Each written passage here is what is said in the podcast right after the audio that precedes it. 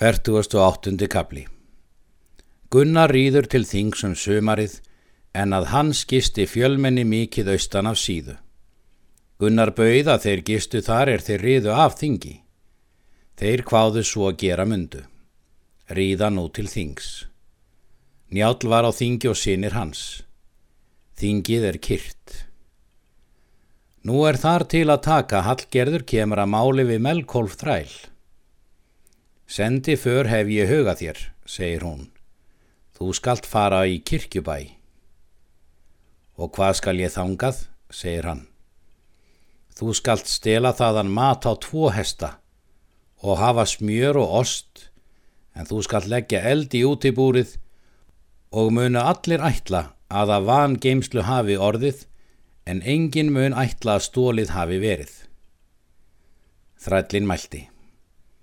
Vondur hef ég verið, en aldrei hef ég þjóur verið.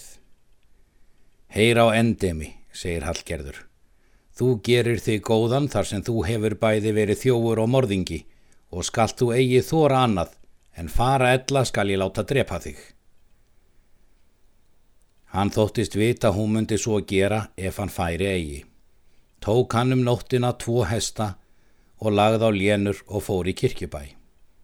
Hundurinn gó eigi að honum og kendi hann og hljópi mót honum og let vel við hann.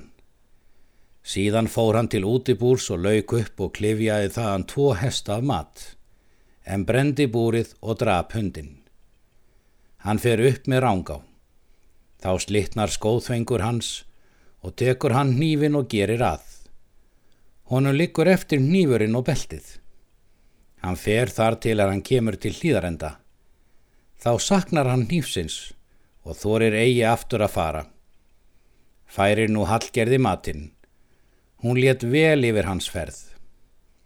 Um morgunin er menn komu út í kirkjubæ, sáu menn þar skaða mikinn. Var þá sendur maður til þings að segja oddkalli því að hann var á þingi. Hann varð vel við skadan og hvað það valdi myndu hafað eldhúsi var áfast útibúrnu og ætluðu það þá allir að það myndi tilhafa borið.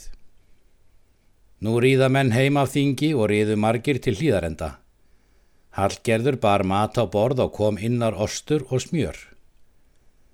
Gunnar vissi slíks matar þar ekki von og spurði Hallgerði hvaðan það kæmi.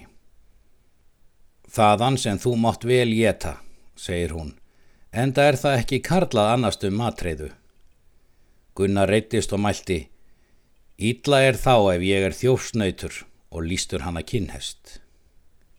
Hún hvaðst hann hest muna skildu og launa ef hún mætti. Gekk hún þá fram og hann með henni og var þá borið alltaf borðinu en borið innar slátur og ætluðu allir að það myndi tilhafa borið að þá myndi þykja fengið betur. Fara þingmenn nú í braut.